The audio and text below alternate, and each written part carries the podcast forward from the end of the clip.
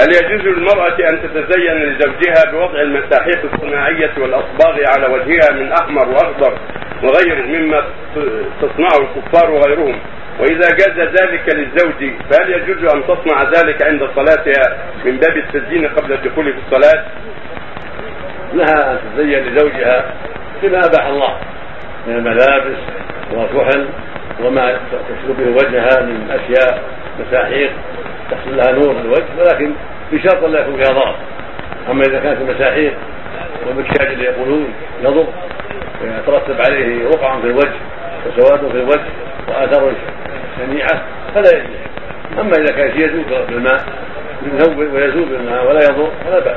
لكن يقول بعض المختصين يقول بعض العارفين إن قد قد يوجد في المساحيق هذه أشياء تضر الوجه. وتكسبه رقعا سوداء وخللا. هذه الذي تكسبه شرا لا يجوز السماع أما إذا كان مثل الصابون مثل السدر ومثل أشياء تنور تزيء اوساخا ولكن ليست عاقبة سيئة هذه لا بأس.